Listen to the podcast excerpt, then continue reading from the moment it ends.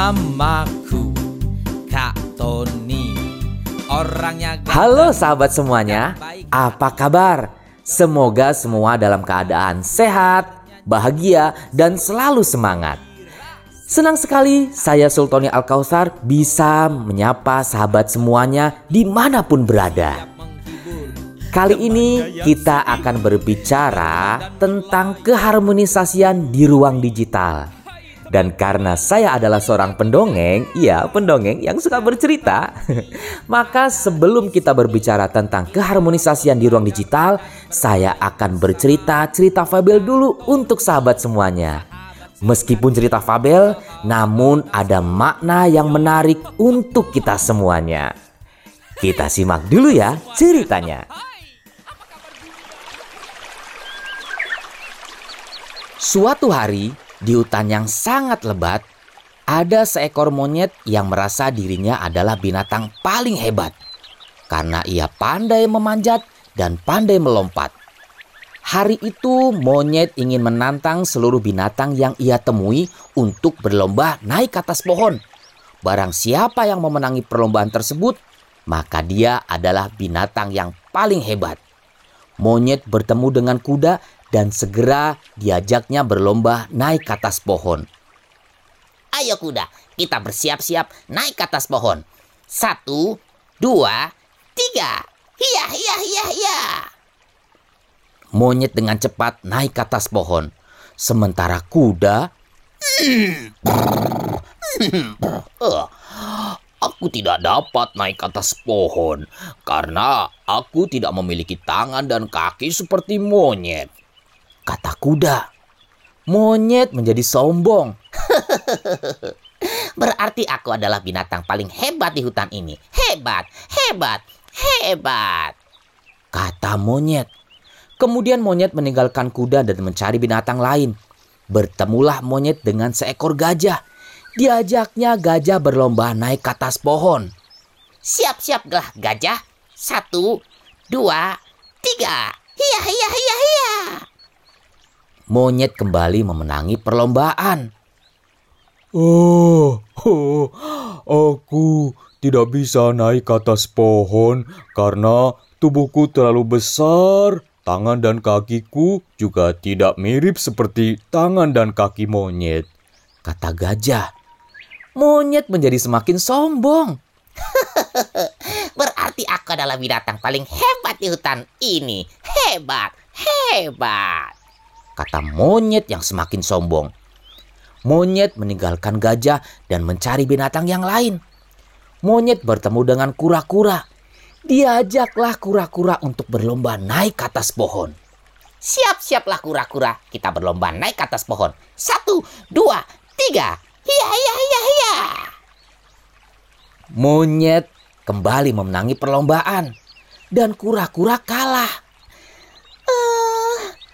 Aku kalah.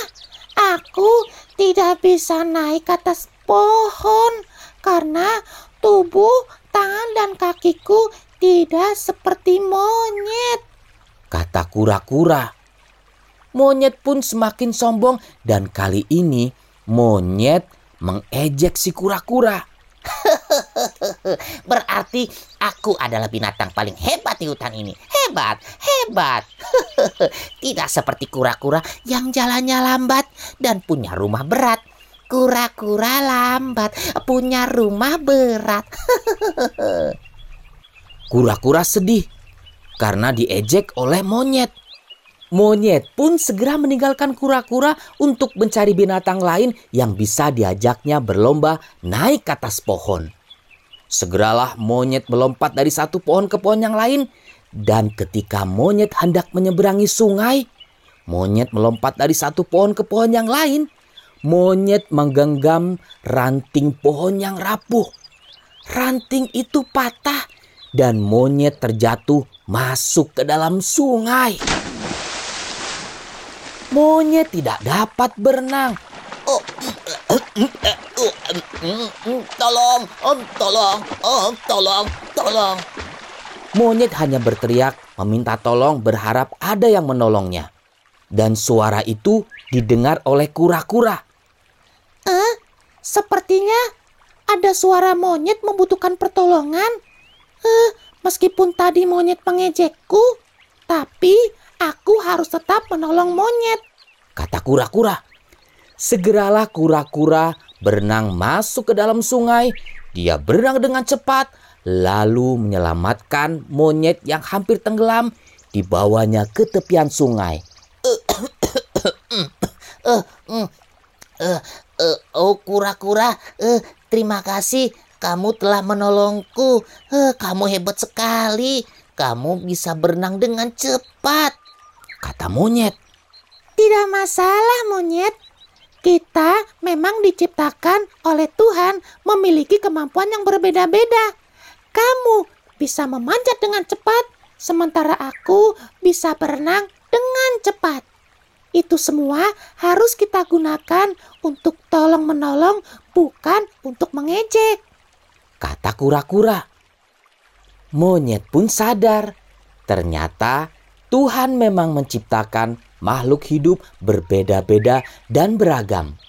Dan dengan keberagaman itu, kita harus saling tolong-menolong, saling menghargai agar bisa bersatu dalam keharmonisan. Monyet, kura-kura, gajah, kuda, dan binatang-binatang di hutan itu hidup berdampingan, saling tolong-menolong, dan saling menghargai. Cerita fabel yang baru saja saya ceritakan merupakan salah satu contoh masalah yang ada di dekat kita sebetulnya.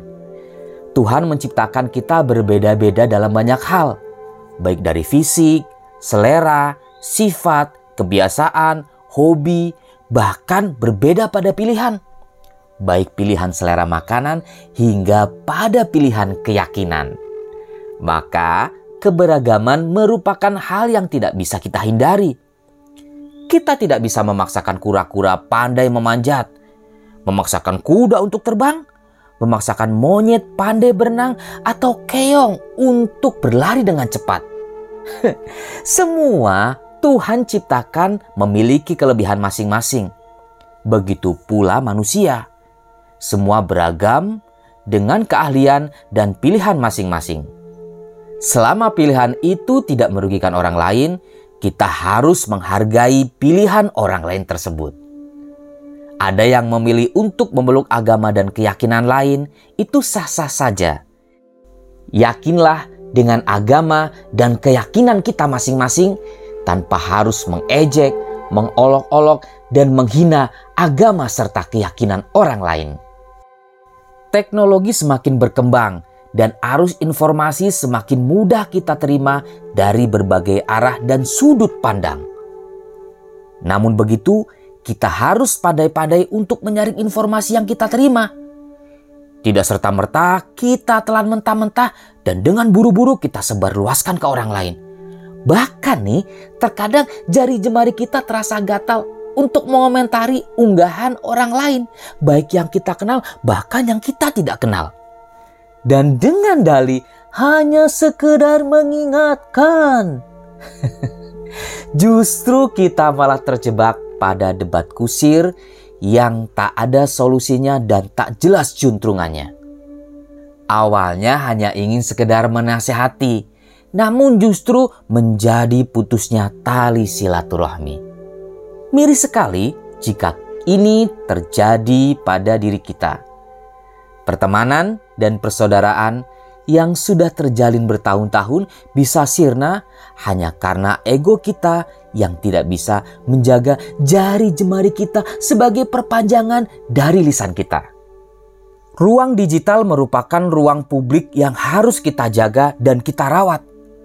Ya, selayaknya fasilitas umum di area rumah kita seperti taman, tempat ibadah, pendopo desa, lapangan, dan lain sebagainya yang kita gunakan bersama-sama untuk berkegiatan, berkumpul, dan bersosialisasi. Tempat-tempat itu harus kita jaga dan kita rawat. Begitu pula ruang digital. Semuanya serba terbuka. Siapa pun bisa melihat, siapa pun bisa berkomentar.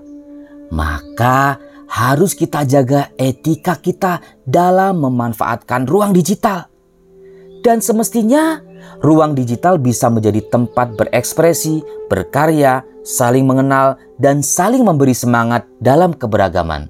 Karena kekayaan negeri kita yang terbesar adalah keberagaman.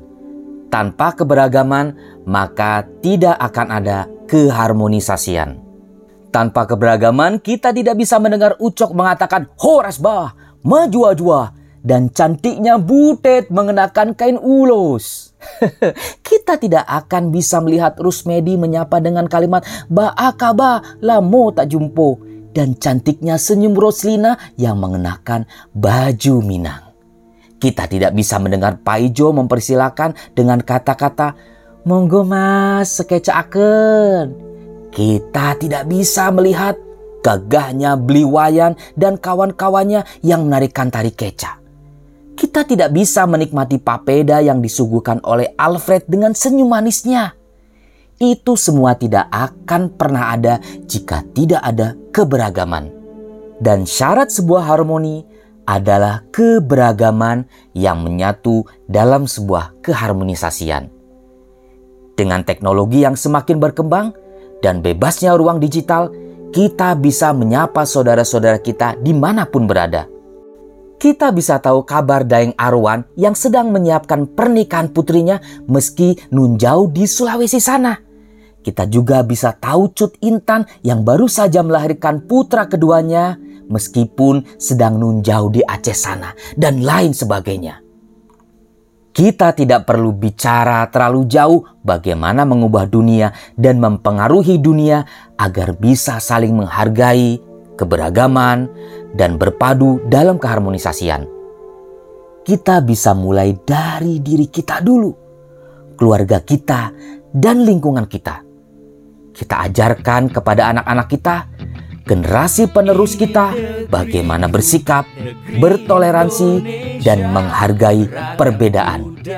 Bukan hanya sekedar teori, tapi menjadi perilaku dan sikap dalam keseharian. Mari kita jaga keharmonisasian di ruang digital demi masa depan anak cucu kita dan untuk Indonesia. Indonesia.